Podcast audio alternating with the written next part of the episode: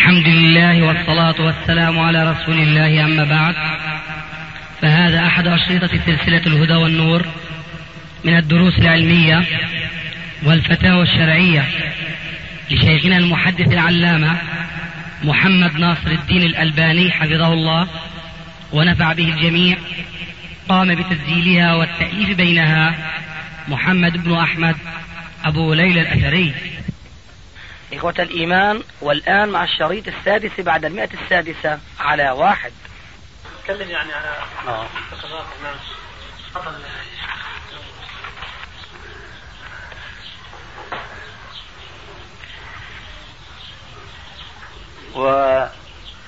ومما سبق يمكننا أن نجيب عن بعض ما في السؤال وهو هل يثرب على من يبايع ذلك الحاكم؟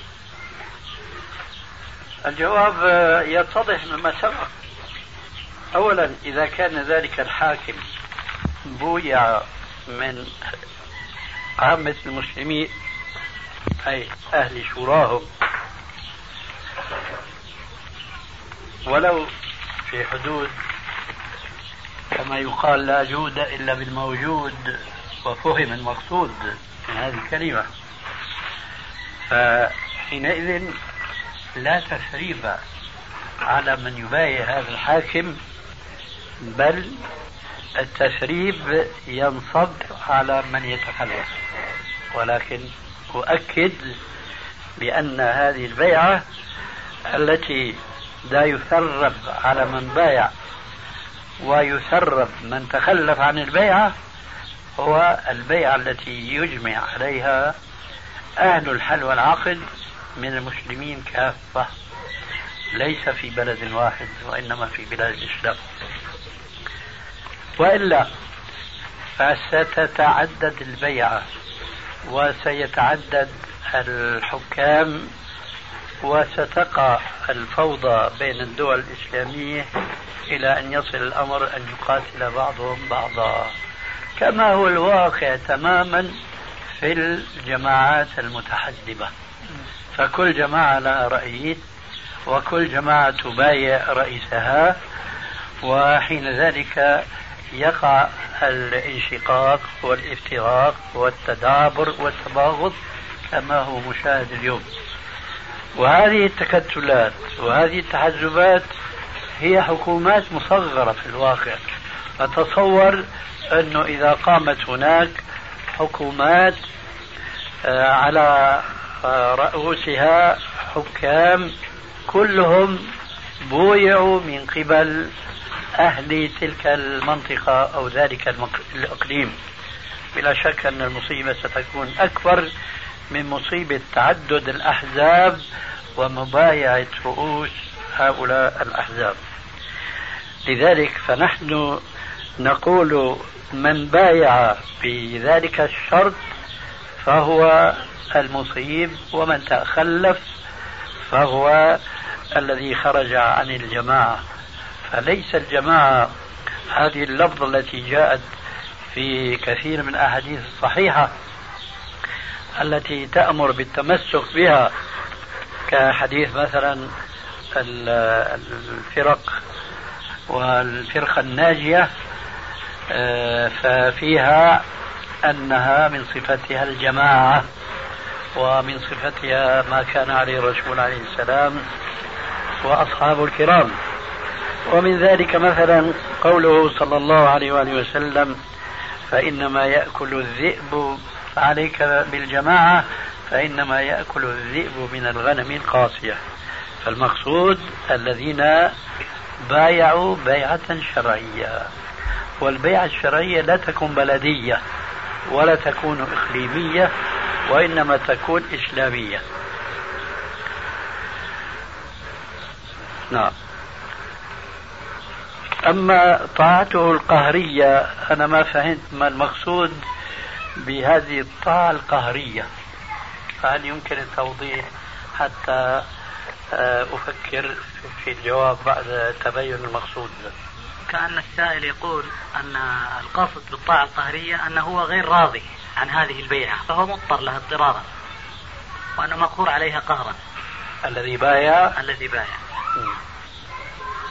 ما أعتقد أن هناك يعني ضرورة للبيعة فإن وجدت فمعروف القاعدة الضرورات تبيح المحظورات وهي كما أيضا معلوم ليست على إطلاقها.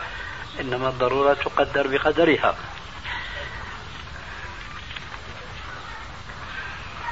أما فيما جاء في آخر السؤال من قول السائل عن هل يجوز الخروج عليه أم لا.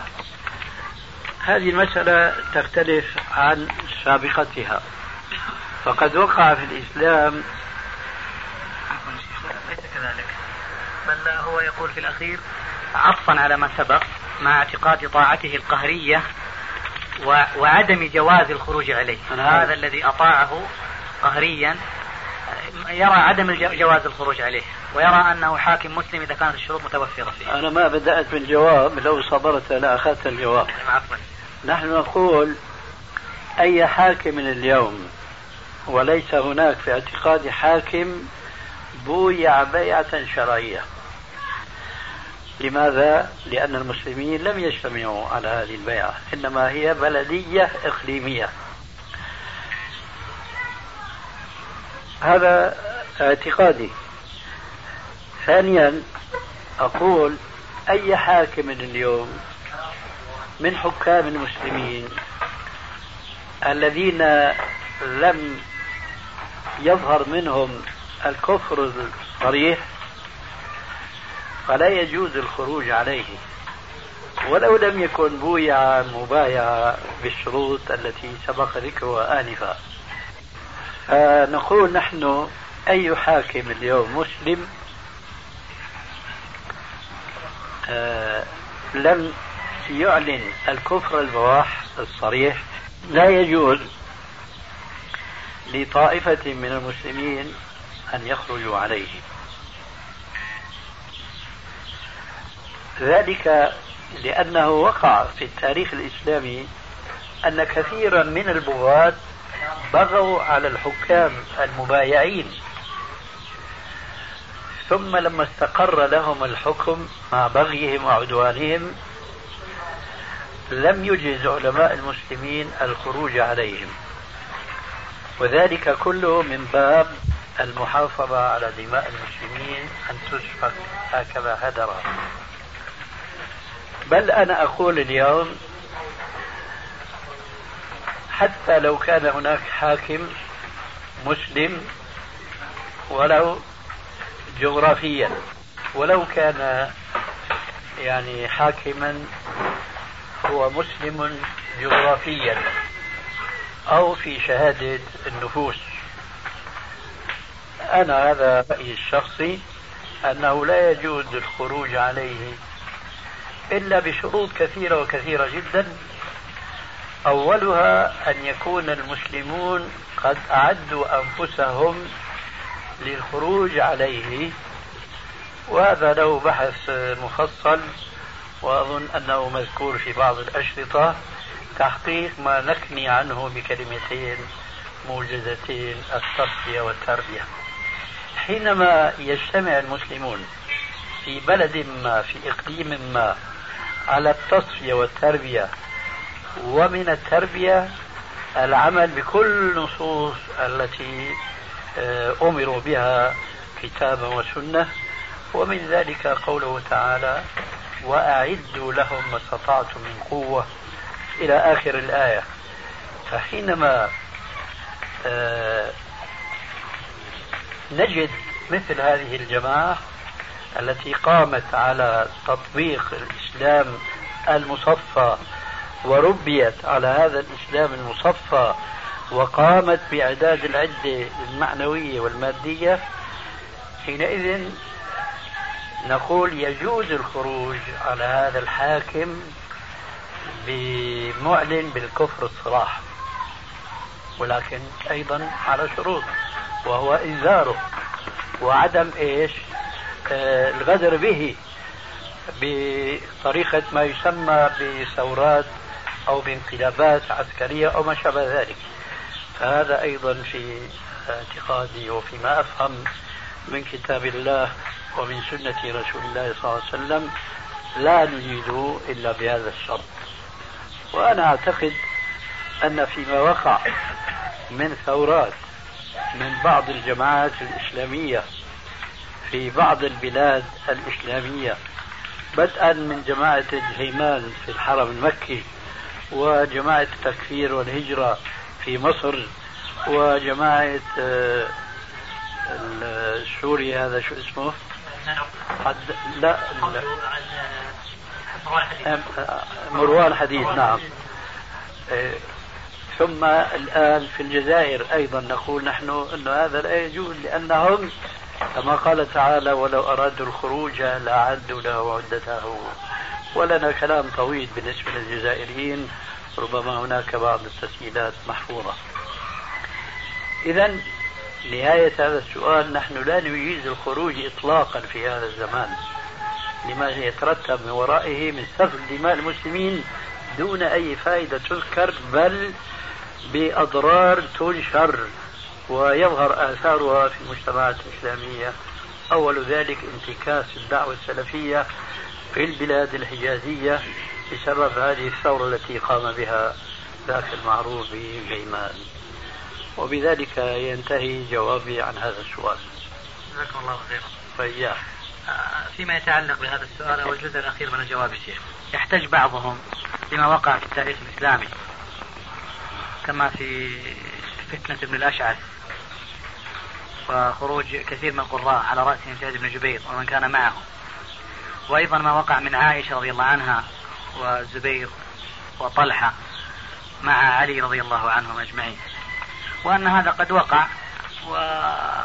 وأن هذا يعد خروجا. ولكن ما ما حقق لهم الهدف المطلوب. لكن هذا الخروج مما يجوز. فهل هذا الاستدلال بتلك القصص التي وقعت في العهد الأول صحيح. وما الجواب؟ لأن هذا يثار كثير ما وقع في فتنة الأشعث وما وقع من عائشة آه، مع من كان معها من الصحابة يثار كثيرا من أجل آه، تبرير قضية الخروج. نعم. الخروج لا يجوز يا أخي وهذه الأدلة هي على من يحتج بها وليست لصالحه إطلاقا.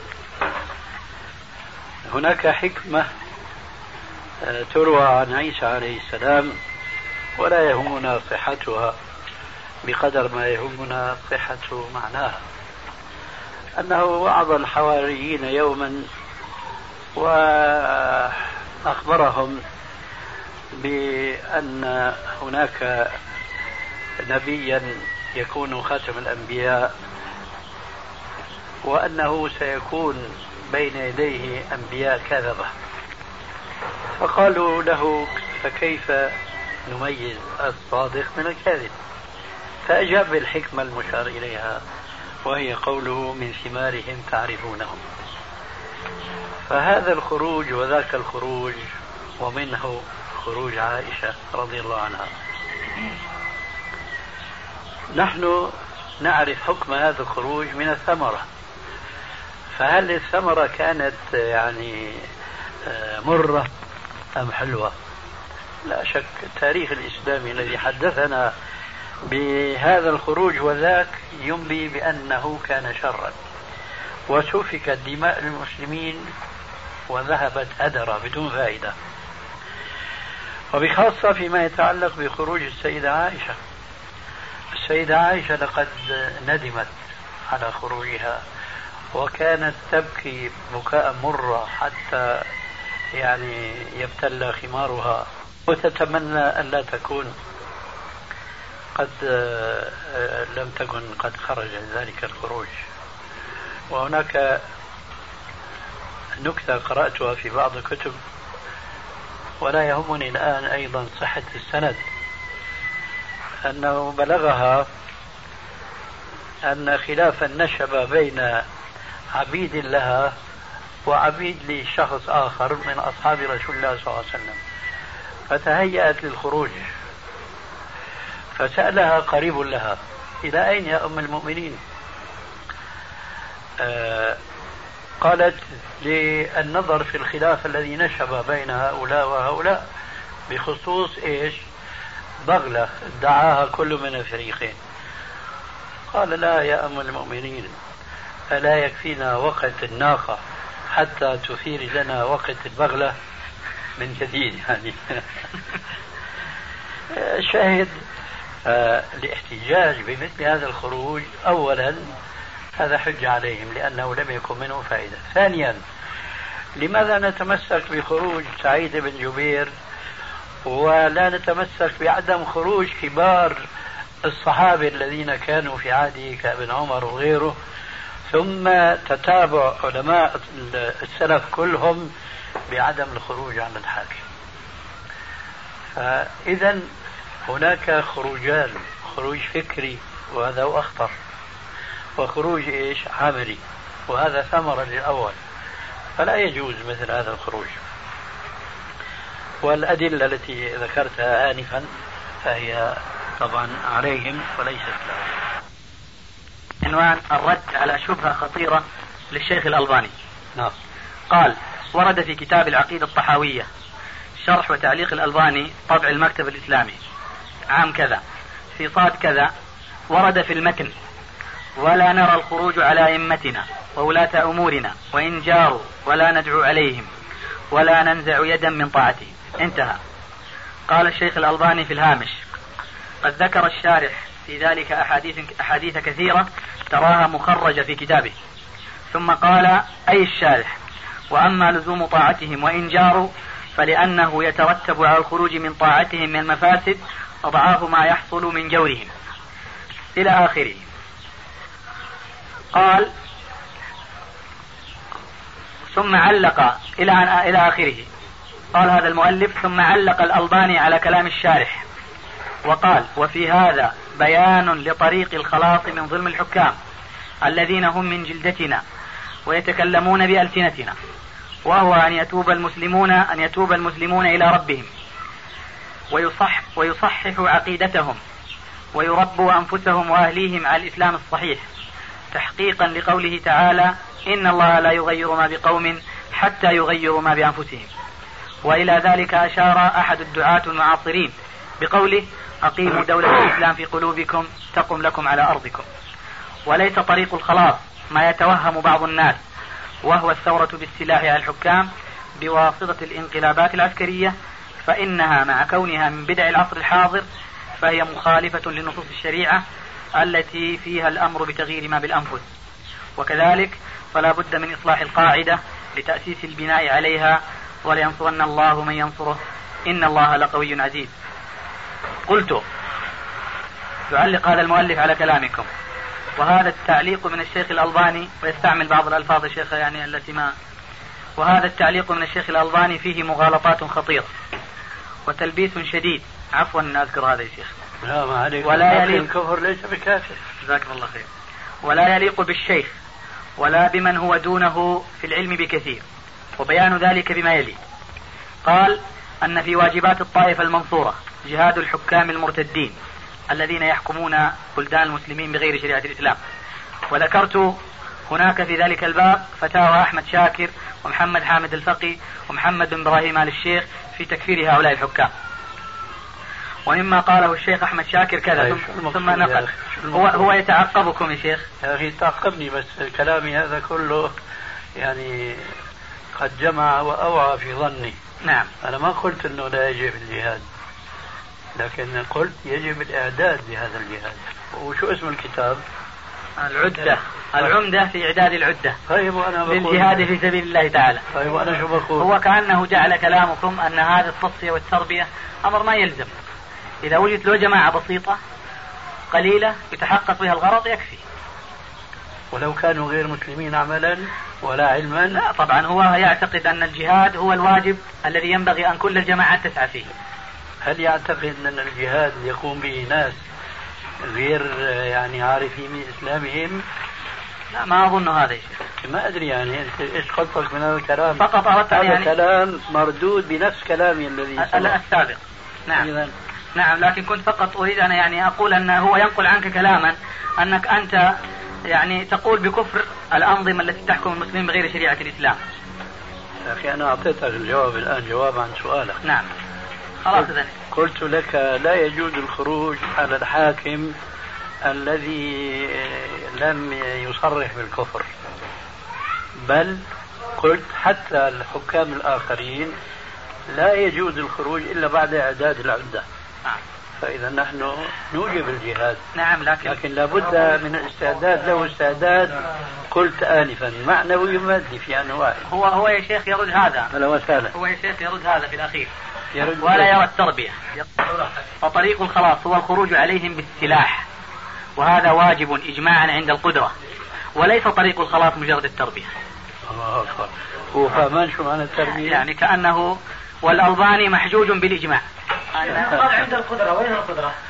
من يعرف هو والله قال عند القدرة. وين القدرة؟ طيب شيخ. هذول الأهواء أخي تعمي القلوب. الحمد لله الحمد لله.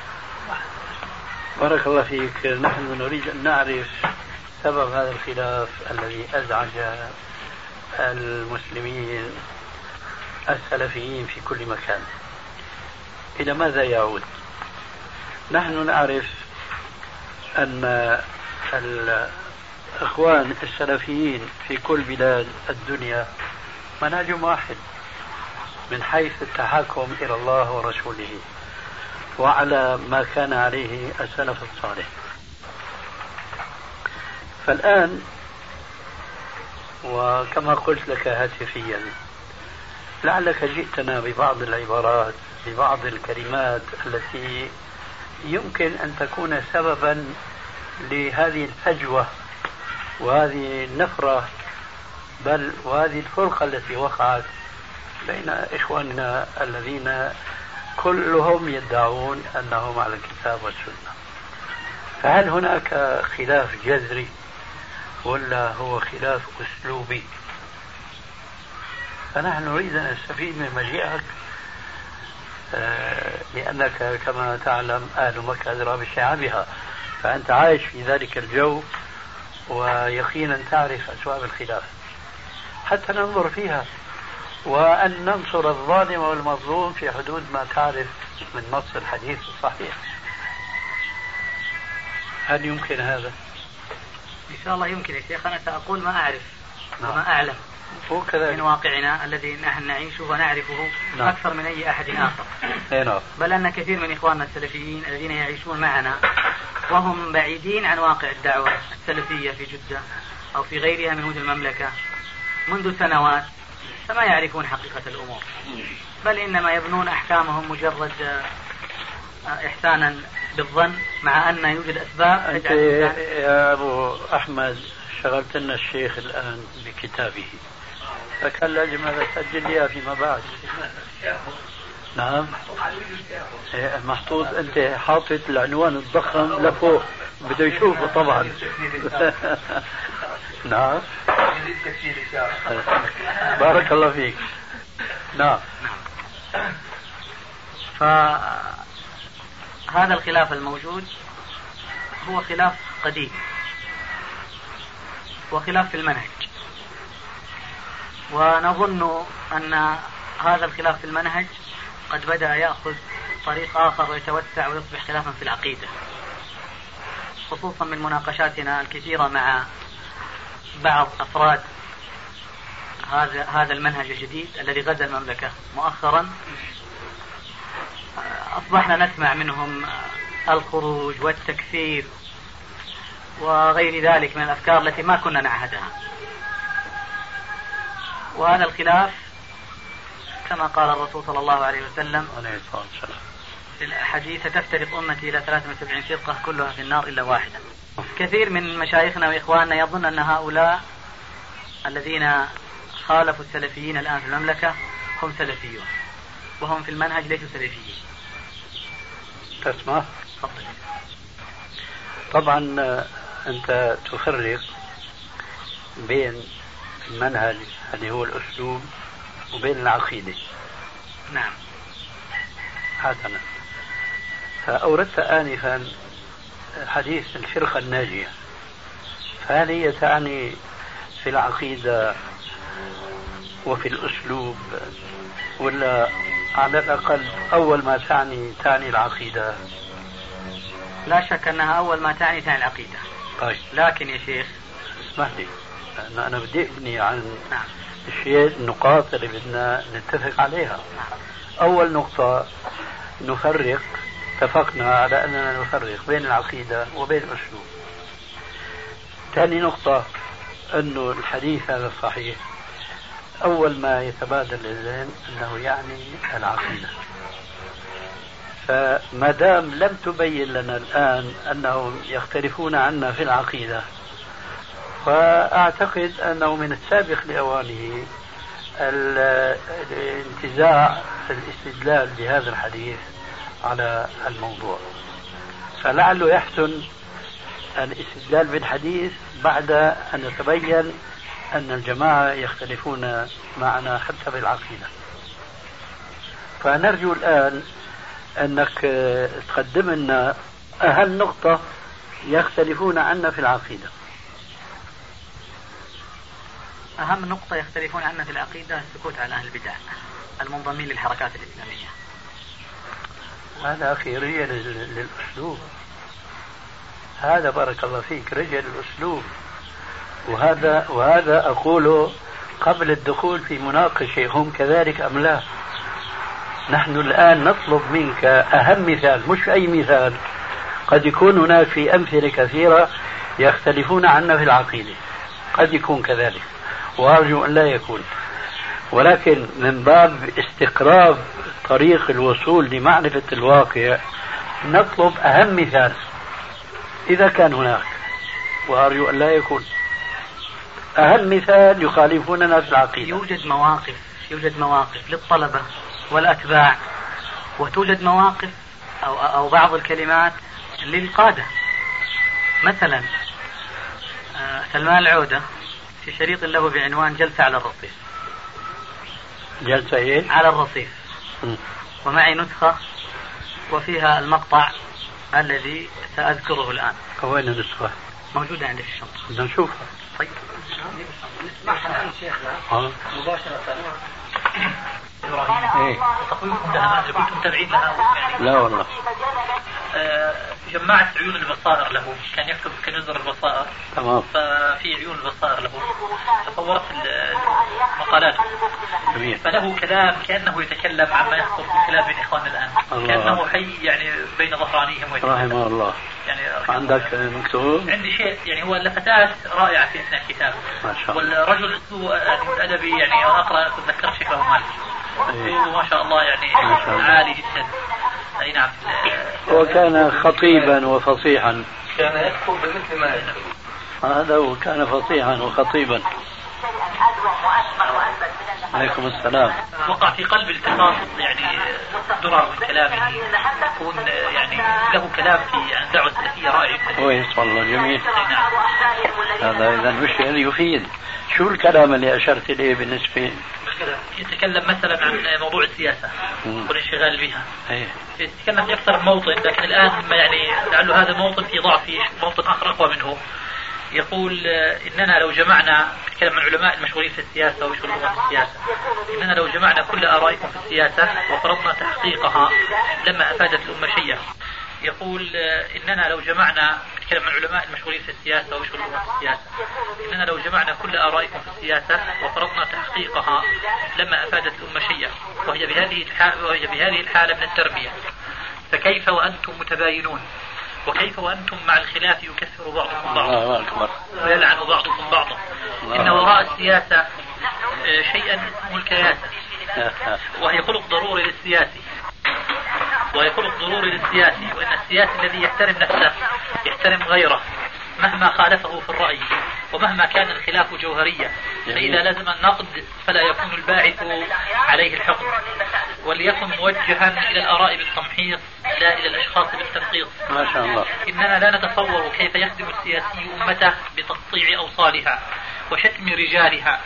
وتسفيه كل كل رأي إلا رأيه ولا نتصور أن مما تقدم به الأمة هذه الدروس العالية في أساليب السب التي يلقنها بعض الأحزاب لطائفة من شباب الأمة. في معاهد المقاهي والأزقة. إن تطرية الشبان على شتم والسباب جريمة لا تغتفر يتكلم كلام كثير ثم يقول نخشى ذلك ونخشى أكثر منه على هذه الطائفة المقبلة على العلم. المنكبة على تحصيله. هذه الطلائع التي هي آمال الأمة ومناط رجائها والتي لا تتحقق رجاء الأمة إلا إذا انقطعت إلى العلم وتخصصت في فروعه. ثم زحفت إلى ميادين العمل. مستكمل الأدوات تامة التسلح. تتولى القيادة بإرشاد العلم وتحسن الإدارة بنظام العلم. فتأثر فتسأر لأمتها من الجهل بالمعرفة ومن الفقر بالغنى ومن الضعف بالقوة ومن العبودية بالتحرير. وتكتسح من, من ميدان الدين بقايا الدجالين ومن ميدان السياسة والنيابة بقايا السماسرة والمتجرين ومن أفق الرياسة بقايا المشعوذين والأميين. هذه الطائفة الطاهرة الطائفة بمناسك العلم قد ألهبتهم أو قد ألهبتم في أطرافها الحريقة بسوء تصرفكم فبدأت تنصرف من رحاب العلم إلى أثنية المقاهي وإجماع العلم إلى خلاف الحزبية. هذه مشكلة. إن من طلاب العلم هؤلاء من يدرس الدين وإن الدين لا يجيز لدارسه أن يفتي في أحكامه إلا بعد استحكام بعد استحكام الملكة واستجماع الأدلة حذرا من تحليل آه، محرم أو محرم. محرم. محرم. وإن منهم الدارس للطب وكلام شيخنا عجيب جدا في مواقع أخرى ما شاء الله. أقوى بكثير من هذا. هذا موقع لي. الناس هي الناس والمشاكل هي المشاكل. هي هي مشاكل نعم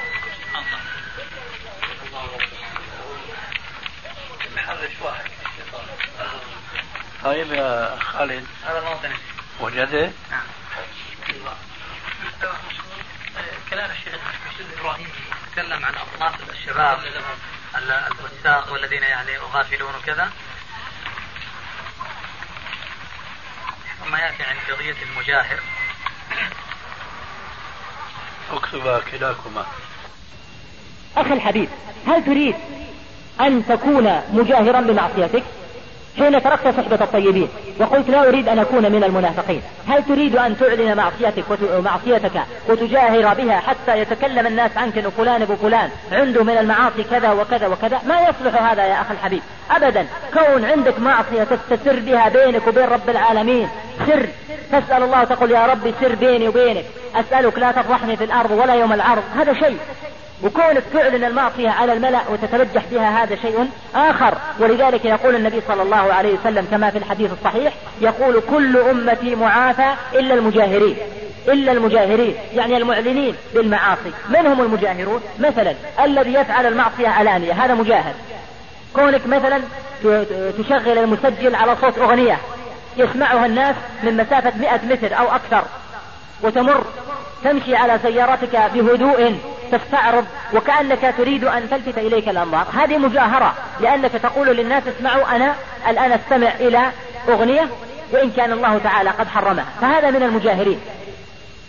ومن المجاهرة أن الإنسان يفخر بالمعصية أمام زملائه أحيانا إذا اجتمع بعض الشباب يبدأ بعضهم ممن ليس عنده دين يبدأ يجاهر بأنه فعل كذا وفعل كذا وفعل كذا ويذكر مغامرات وجرائم وذنوب فعلها وكيف أنه أوقع مثلا امرأة في الحرام وكيف شرب وكيف سافر وكيف سكر وكيف سرق وكيف وكيف وكيف وكيف ويبدأ يسرد قائمة من المعاصي.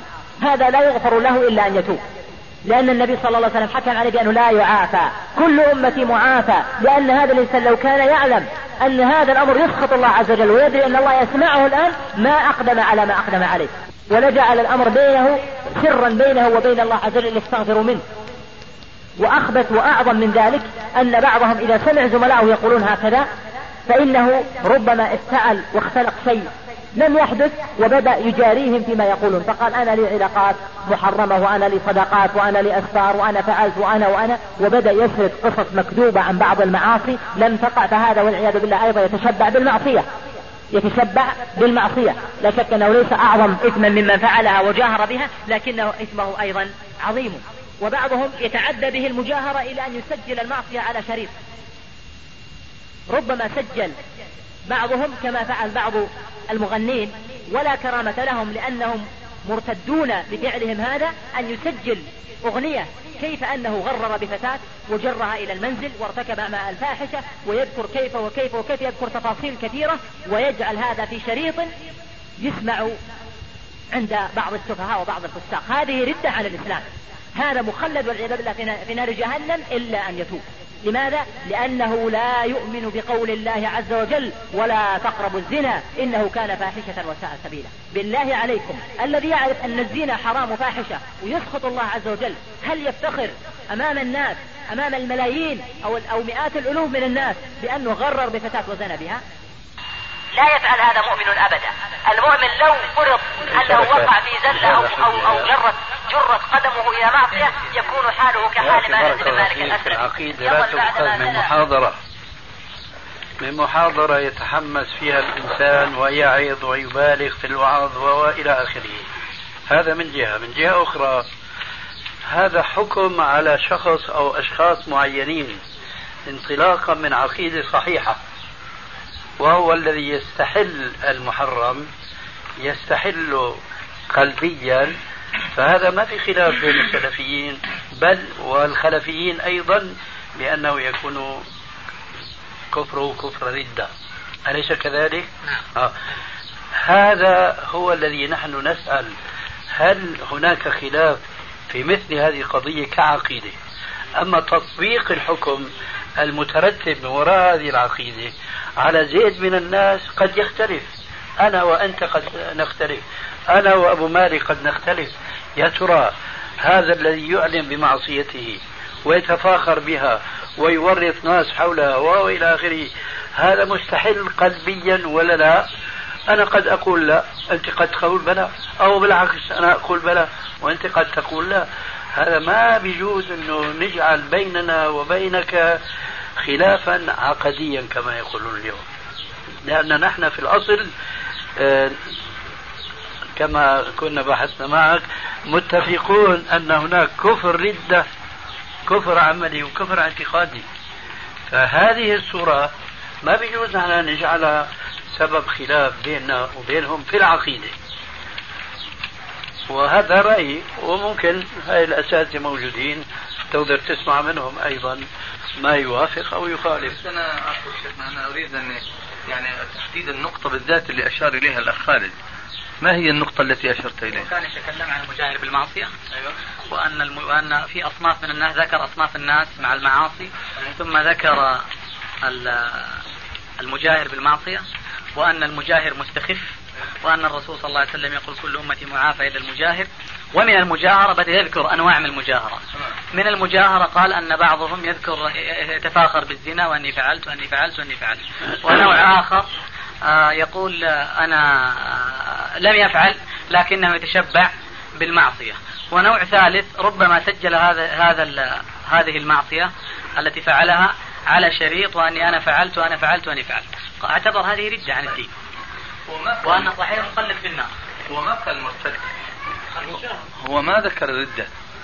هو ما ذكر الردة. نسمع المقطع لا أظن في في في في هيك شيء. هذه ردة هذا مرتد هذا خالد مخلد في النار. في في هيك شيء. هذه ردة هذه ردة الإسلام نعم نعم. أنا أسأل الآن يا ترى يعني لما نقول أول مثل ما ذكر شيخنا أنه هذه المحاضرة أو الكلام المرتجل الحقيقة لا يحكم به على شخص. ثم ثانيا يا ترى عندما نقول يعني آه، رد عن الإسلام وخالد مخلد في النار الله عز وجل والرسول صلى الله عليه وسلم حكم على كثير من الناس بالمعاصي بأنهم مخلدون في النار. أليس كذلك؟ بالمعاصي. نعم. الرسول؟ نعم. دون الشرك. مثلا العهد الذي بيننا وبينهم عفوا يا أستاذي حتى ما نبعد عن نقطة الخلاف لأنه ستضطرون أن تقولوا معاصي احتلها استحلها نعم. بقلبي أم لا؟ نعم. فالمسألة ما فيها خلاف يعني. إنه في آيات ستحمل على المستحيل. طيب. لكن شيخنا الآن السؤال. هو ذكر كلاما في هذا الموطن وبين أن هذا مستخف بالمعصية. فهل المستخف بالمعصية يكفر؟ هل يظن كل من فعل معصية فيما نعرف؟ كل من فعل معصية يا خالد بارك الله فيك. أنا أنصح أن لا تدخل في مثل هذا النقاش لأنك ستورط نفسك فضلا عن تورط غيرك. الآن المستخف بالمعصية أنت تسأل هذا السؤال. أنا إذا قلت لك نعم هذا المستخف معناه مستحل. هكذا أنا أفهم. لكن أنا وأنت متفقون مسبقا أن المرتكب للمعصية لمجرد ارتكابه إياها وهو معتقد بحرمتها هذا أمره إلى الله إن شاء عذبه وإن شاء غفر له. صح ولا لا؟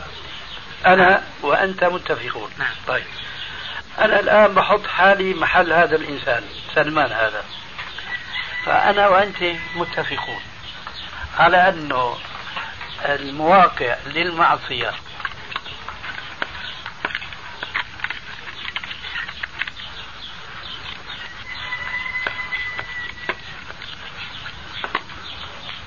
أنا وأنت متفقون وكل السلفيين متفقون على أن مرتكب المعصية وهو معتقد حرمتها فهذا عاصي فاسق أمره إلى الله إن شاء عذبه وإن شاء غفر له.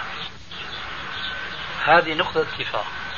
لكن إن استحلها بقلبه فهنا نقطة أخرى أيضا متفق عليها بأنه كافر. مرتد عن دينه. أليس كذلك؟ طيب. هذه النقطة هي العقيدة. الآن نريد أن نطبق هذه العقيدة. عندنا رجلين عندنا شخصين عندنا مسلمين. أحدهما يواقع هذه المعصية والآخر يشاركه فيها. لكن الآخر لا نسمع عنه شيئا إطلاقا.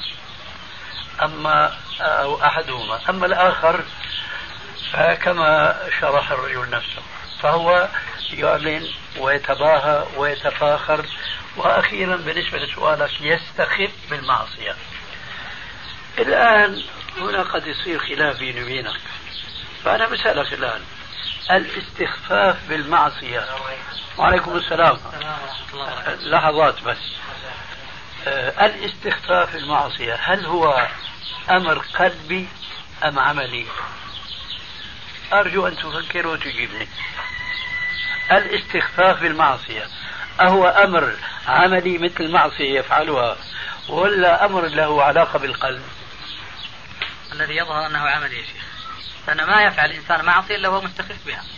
هذا. الذي أنا أعرفه طيب. وأظنه. آه، جميل. أنا أمشي معك. أسألك في استخفاف له علاقة بالقلب أم لا؟ استخفاف له علاقة بالقلب. نعم. استخفاف بالمعصية آمنا بكلامك وهذا جدلا. لأنه كلمة استخفاف أنا بفهم منها شيء. آمنا بكلامك جدلا أنه ما في واحد بيرتكب المعصية إلا وهو مستخف بها. أنا لا أعتقد هذا لكن حتى ما نتناقش بألفاظ. أطور السؤال فأقول هل تتصور معي رجل ارتكب معصية مستخفا بها بقلبه. تتصور هذا أم لا؟ يمكن أن يكون. طيب. فإذا إذا لما بدي أتناقش أنا وياك ووجد نقطة خلاف بيني وبينك بدنا نحدد هل استخفاف ما نوعيته؟ هل هو استخفاف له علاقة بالقلب كما قد يكون ونحن متفقون على هذا أم له علاقة بالعمل فقط دون القلب كما تقول أنت أنه ما من معصية يواقعها العاصي إلا وهو مستخف بها فحينما نريد أن نحكم على عاص ما هل مجرد ما نقول أنه هذا استخفاف عملي انتهت المشكلة مع أنه ممكن يكون مقرون باستخفاف قلبي صح؟ فإذا لماذا نوجد لنا خلاف بيننا وبين الرجل هذا. ما دام يحتمل أن يكون الاستخفاف هو استخفاف مقرون بالقلب. لو كان الاستخفاف يا شيخ مقرونا بالقلب. طيب. هل يكفر صاحبه؟ هذا هو. هل يكفر؟ كيف لا؟ مجرد أنه فعل معصية كالزنا مثلا واستخف بها يا أخي. حالا ما وقعها وكان يعتقد أنها هي في داخل قلبه يكفر بها يا شيخ. ويخرج من الملة. يا أخي أنت وافقت معي على تقسيم الاستخفاف على قسمين. أنه يمكن أن يكون في الاعتقاد لكن هل كل اعتقاد هل الاستخفاف بالاعتقاد كاعتقاد الحل؟ كاعتقاد أنها حلال؟ كيف يعني تتصور؟ في انفصال؟ نعم أنا أتصور يا شيخ أن هل, هل كل اعتقاد يكفر به الإنسان ولا اعتقاد الحل هو الذي فقط يكفر به الإنسان؟ هل كل الحل؟ الحل أنها حلال؟ يستحل هذه المعصية. ما دام يا أخي بارك الله فيك وافقت أن الاستخفاف قسمين. عملي تركناه جانبا. الاستخفاف القلبي ماذا يعني؟ التحريم إن كان يعني اسمعني استخفاف القلبي ممكن تتصور معه أنه يعتقد الحرمة؟ نعم. هذا ليس استخفافا قلبيا هذا يكون استخفاف عملي. ونحن انتهينا من هذا. كيف هذا أنت تجمع بين متناقضين في القلب؟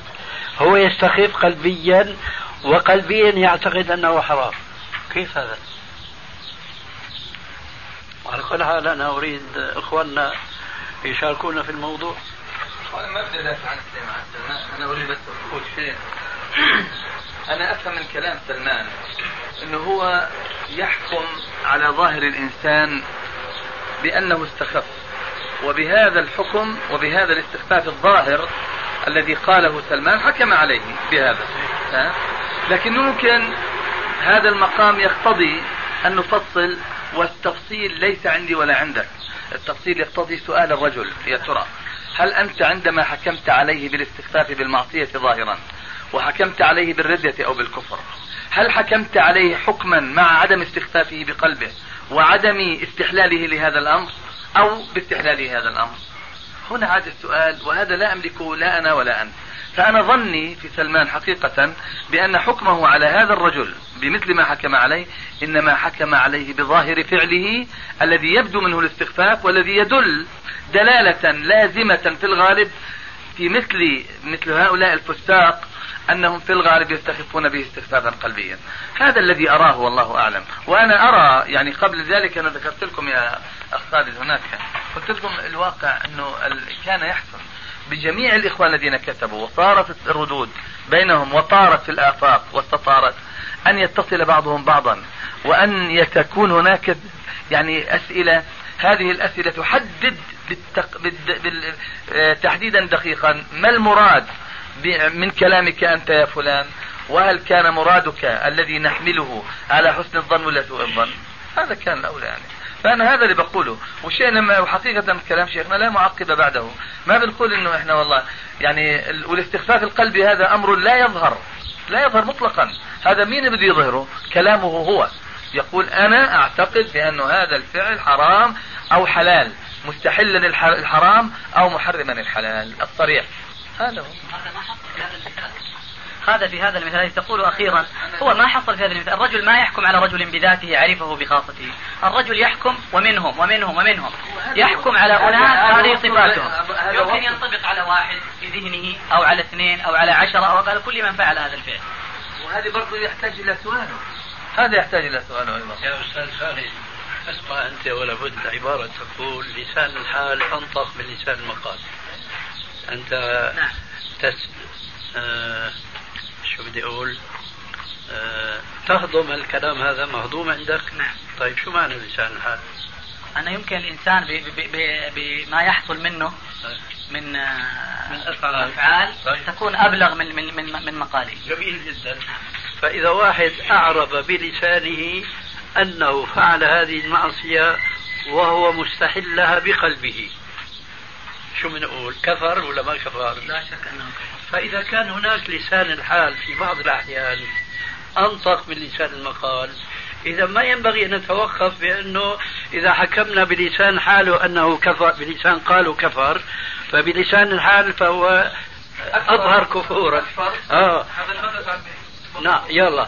ومع ذلك ومع ذلك أنا بقول المسألة يا أخي مو بهالسهولة ما بيجوز نقول نحن الرجل هذا اللي عم يتكلم الكلام وحمله على ذلك غيرته الإسلامية أنه هذا يكفر مرتكب الكبيرة شيخنا, شيخنا في شغلة أخرى.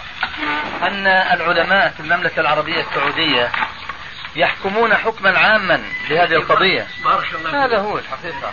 كيف يعني يكفرون تارك الصلاة يكفرون تارك الزكاة إخوة الإيمان والآن مع مجلس آخر. أنا أذكر والذكرى تنفع المؤمنين. أنني في سبيل آه، التقارب بين الإخوان السلفيين المتنافرين مع الأسف لأسباب في اعتقادي غير موجبة لهذا التنافر وهذا التدابر والتباغض. في سبيل الوصول إلى معرفة السبب كان سؤالي واضحا جدا أنه يا خالد أعطنا أعظم خلاف بيننا وبين الإخوان هدول في العقيدة. فأقول عادة مع الأسف لكن لا لا أسف لأنك والحمد لله ما جئت بالمثال. فإذا هذا شيء يفرحنا ولا يؤسفنا. إنما جئت بمحاضرة ألقاها الرجل وحكم على طبقة من الفساق بأنهم مرتدون. لكن هذا لا يوجد آه، خلاف فكري وعقائدي بيننا وبينهم. وبخاصة وأنت بلا شك يعني أعرف بمحاضراتهم وبكتبهم أنهم يصرحون بأن عقيدتهم على منهج السلف الصالح خاصة في موضوع التكفير وأنهم ضد الخوارج وأنهم لا يكفرون بكبيرة أليس كذلك؟ فإذا كان هذا الأصل بارك الله فيك موجود بيننا جميعا حينئذ إذا وقفنا على عبارة لأحدهم نقول إنها توهم خلاف المعروف عندهم. حينئذ لا يجوز بارك الله فيك أن نتمسك بها وننقض القاعدة التي هم متفقون معنا عليها وإنما نحاول أن نوجد توجيها مقبولا معقولا لمثل هذا الكلام الذي يمكن أن يخالف العقيدة المجمع عليها بيننا. وقد ذكرنا آنفا وأظن أنك صرحت أيضا أن هذا كلام خطأ. ليس بحثنا هذا خطأ ولا لا. هل هو كلام مثلا خطابي ولا عقائدي؟ مو هذا موضوعنا. موضوعنا أنه هذا دليل من كلامهم الصريح بأنهم يكفرون مرتكب الكبيرة. وهذا لا يوجد بل الموجود هو العكس. فإذا هذه كلمة تفسر على ضوء تلك القاعدة. وأنا ذكرت آنفا أنه هذا كلام قد يصدر منا نحن الذين نظن بأننا نتئد في إصدار الأحكام قد يصدر منا شيء ولسنا هناك وما فكرنا أنه حيفهم الناس منها خلاف ما نريد. فكل إنسان معرض لسهو في التعبير عما يستقر في قلبه وفي داخل نفسه. لكن أنا الحقيقة العبارة هي أنا ما أفهم منها أن الرجل يخالف ما نعرفه عنه من أنه لا يكفر المسلم بارتكاب كبيرة وأنه يدندن أن تكفير مسلم بكبيرة هو مذهب الخوارج وهو ضدهم صراحة. إذا فعنا مخرج يا أخي أنه نحمل هذا الكلام على شيء من معنى نحن نتفق عليه وهو قلناه سابقا أنه يفهم من لسان حال هؤلاء الفساق أنهم يستحلون ذلك الفسق والفجور بقلوبهم. لا والله هو مخطئ. هب أنه مخطئ. لكن مش مخطئ في العقيدة. مخطئ في الحكم على شخص من الناس. يعني أنت تعرف جيدا أن القاضي الشرعي الذي يحكم بما أنزل الله يحكم بقتل من قتل عمدا. لكن بناء على شهود قد يكون شهود زور. فحكم بقتل نفس بريئة. لكنه مخطئ مخطئ. لكن مبدأه الذي أقام القتل عليه ليس خطأ. فإذا بارك الله فيك نحن بدنا نمسك الأصول. ما بدنا نمسك الفروع التي تطبق على الأصول صوابا أم خطأ. ولذلك فأنا أنصح أنه ما تجعل مثل هذه الكلمات سبب فرقة بينك وبينهم. ما دام أن الأصول أنتم متفقون عليها. ثم ما ذكرته آنفا بالنسبة لأخينا وأقول أخونا في الغيب لأني أنا ما عرفته ولا هو عرفني. وهو قولوا معي سفر حوالي. ف فأنت ذكرت بأنه من جهة يفرق بين الكفر الاعتقادي والكفر العملي لكن من جهة أخرى آه، لا يفرق بالنسبة للحاكمية لله عز وجل. أنا أظن أيضا هذه موضع يحتاج إلى آه، إمعان النظر لأنه أيضا نحن نقول الحاكمية لله لا تقبل القسمة فلعله يعني هذا. أما أنه يحكم أنه كل من خالف الشرع في قضية ما في حكومة ما فهو كافر ما أظن أن الرجل يقول هكذا. فهل أنت عندك يعني دليل على هذا؟ ولا شيخ أنا أريد أقول فيما يتعلق بما مضى. أنا ما أنا قد ذكرت عندما سألتني هل هم يخالفوننا في العقيدة أو هم معنا. فقلت لك هم معنا في العقيدة فيما يظهر. طيب. وإنما هم في المنهج. وأنا أظن أن العقيدة جزءا من المنهج. لكن قلت طلبتني موطن. قلت لك لكن هو ظهر منهم بعض الأقوال التي نظن أنها تمس العقيدة. ليس أنهم يتبنون عقيدة الخوارج مثلا. نعوذ بالله ولا نتهمهم بهذا. ولا أظن أن مثل سلمان وهو عاقل ومتعلم ما أظنه يتبنى مثل هذه العقيدة الباطلة الزائفة. لكن هذا الموطن أنا في وجهة نظري يا شيخ ويمكن أكون مخطئ. أنا في وجهة نظري هذا الموطن مو هذا هذه عقيدة الخوارج هذا الموطن. من أجل هذا أقول هذا كلام خطأ. أردت أن استدل هذا الموطن ثاني. الموطن الذي الذي أسمعتكم إياه فيما يتعلق بالمستخف بالمعصية. يا أخي فسرنا الاستخفاف نعم. قد يكون قلبيا وقلنا بأن لسان الحال أنطق من لسان المقال نعم. إخوة الإيمان تتمة الكلام في الشريط التالي.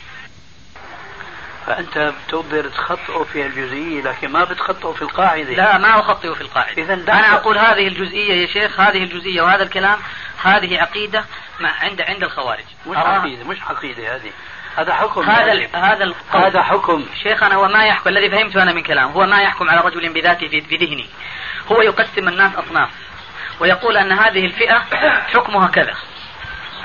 هم خالدون مخلدون في النار. أنا أرى أن هذا آه خطأ. لا يحكم على سلمان بأنه يتبنى عقيده الخوارج. كيف؟ ونحن مثل ما تفضلت شيخ نسمع منه ومن غيره أنهم هم يبتعدون عن الخوارج وأنهم هم يعني لهم مواقف وإلى آخره. هذا لا شك فيه. لكن أنا إنما اردت فقط أسمعك موطن من المواطن التي نخشى أن في المستقبل يستجرهم الشيطان خصوصا وأنهم يخالفون في المنهج ما كان الطلب يا أخي هذا؟ بارك الله فيك. أنا هذا الذي فهمته يا شيخ. ما كان الطلب بارك الله فيك هذا؟ نعم. أنت لك أن تتكلم ما تشاء لكن ليس لك أن تجيب عما لم تسأل. لك أن تتكلم ما تشاء. لكن نحن سؤالنا كان واضحا وتكرر على الجماعة. أعطنا